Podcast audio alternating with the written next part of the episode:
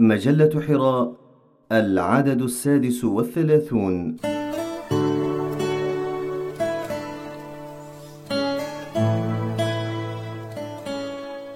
الموازين بقلم الأستاذ فتح الله جلن.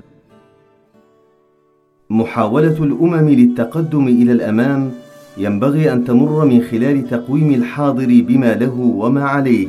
مع الاستفادة من تجارب الماضي وإيلائها أهمية حقيقية وإلا نكون قد ظلمنا الأجيال الصاعدة وتسببنا في ضياعهم.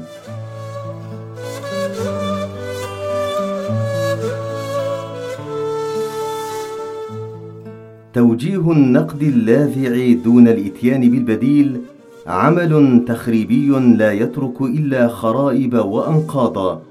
أما النقد البناء مع ذكر البديل فهو سبب للإصلاح والإعمار.